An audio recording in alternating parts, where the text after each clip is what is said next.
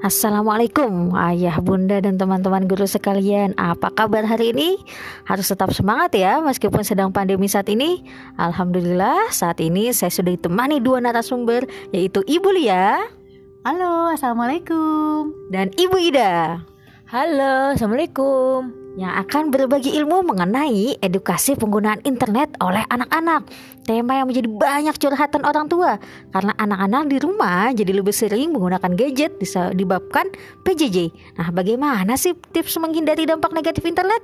Jangan ke mana-mana karena pemateri pertama kita siap berbagi ilmunya. Mari kita sambut Ibu Lia yang akan memaparkan dampak negatif internet dan jenis-jenis cybercrime. Oke, terima kasih Bu Hadijah. Hai ayah bunda dan ibu guru semua yang ada di seluruh Indonesia. Saat ini pembelajaran beralih dari pembelajaran tatap muka menjadi pembelajaran online yang menggunakan internet. Namun tidak hanya dampak positif saja yang dirasakan, tetapi ada juga dampak negatif yang bisa dirasakan oleh anak-anak. Kenapa? Karena saat ini anak-anak bisa menjadi korban cybercrime. Ayah bunda tahu nggak apa itu cybercrime? Menurut Organization of European Community Development atau OECD, cybercrime adalah semua bentuk akses ilegal terhadap semua data atau tindakan kejahatan di dunia maya yang memanfaatkan teknologi komputer dan jaringan internet sebagai sasarannya.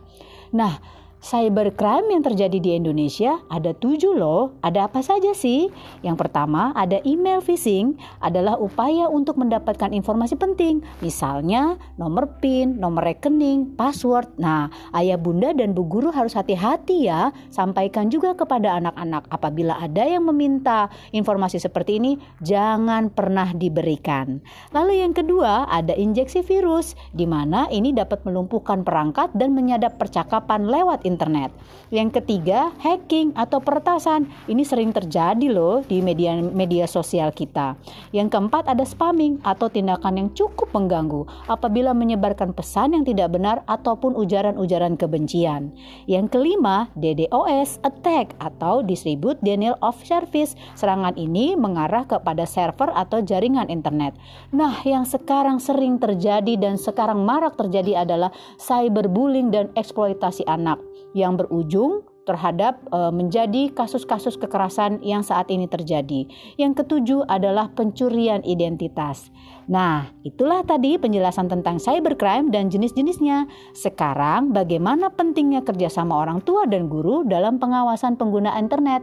Nah, ini akan disampaikan oleh Ibu Ida. Silakan Ibu Ida. Terima kasih Ibu Hodijah dan Mulia. Baiklah ayah bunda, saya akan menjelaskan tentang pentingnya kerjasama orang tua dan guru dalam pengawasan penggunaan internet.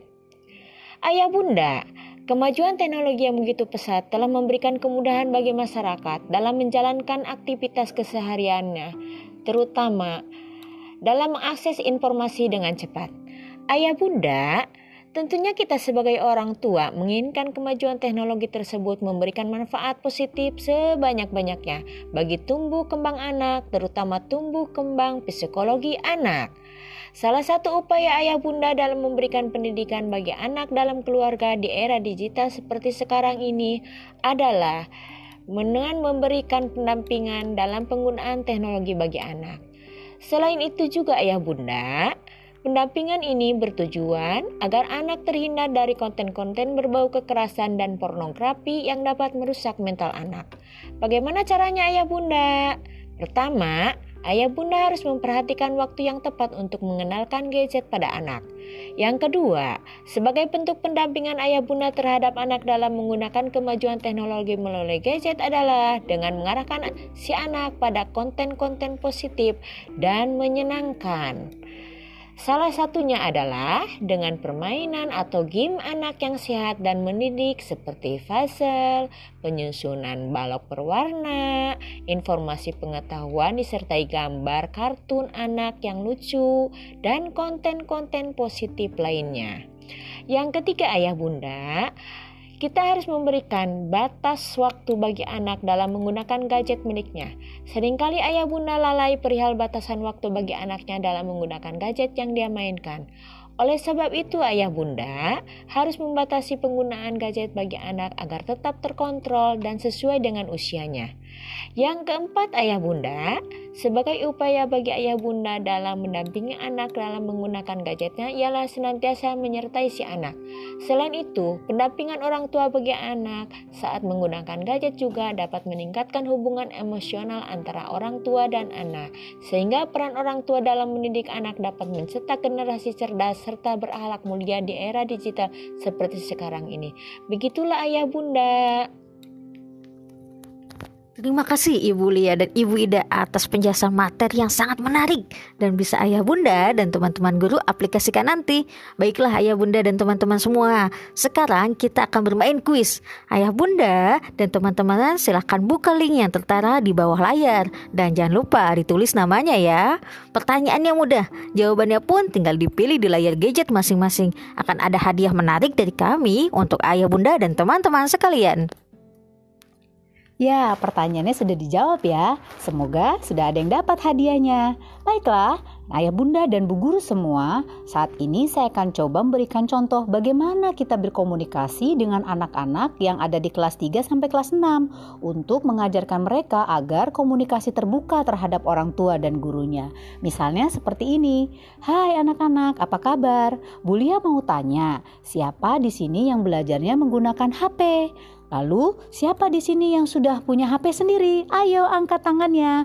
Kemudian di sini tanyakan lagi kepada anak-anak, siapa yang sudah punya akun Facebook, IG, Twitter, atau grup WhatsApp?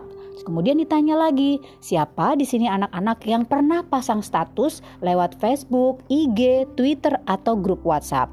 Nah, di sini ayah bunda atau bu guru semua bisa berpesan kepada anak-anak, hati-hati ketika mereka akan mengupload foto-foto ataupun tulisan ataupun konten-konten di media sosial. Kenapa? Karena setiap harinya ada orang-orang yang selalu memantau status anak-anak di media sosial. Inilah salah satu kejahatan cybercrime yang saat ini terjadi di di Indonesia. Nah, komunikasi itu seperti itu silahkan ayah bunda gunakan kepada anak-anak agar mereka terbuka kepada ayah bunda dan bu guru semuanya. Selanjutnya, kita bahas yuk bagaimana kerjasama dan rasa terbukanya antara anak-anak dengan orang tua dengan memanfaatkan momen PPBJ, PJJ ini untuk meningkatkan intensitas interaksi orang tua kepada anak. Dan Bu Ida akan menjelaskannya. Silahkan Bu Ida. Baiklah, terima kasih Bu Lia dan Bu Hadijah. Baiklah, semuanya, kita akan membangun kerjasama orang tua dan anak. Apa saja yang kalian pernah ketahui tentang bahayanya internet bagi kita? Pernahkah bahaya internet bagi kita kamu dengar dari siapa dan dari mana pun? Nah, itulah apa yang akan kita bahas tadi dan apa yang akan kita dengarkan tadi akan menjadi bahan pembelajaran bagi kita. Terima kasih. Nah, terima kasih Bu Ida dan Bu Lia kembali lagi bersama saya. Kalau saya muncul berarti kegiatan hari ini sudah selesai. Gimana kegiatan hari ini? Seru nggak? Seru pastinya. Ternyata menggunakan handphone dan anak internet harus bersama ayah bunda atau guru ya anak-anak. Hati-hati terhadap apa yang kita lihat di internet ya.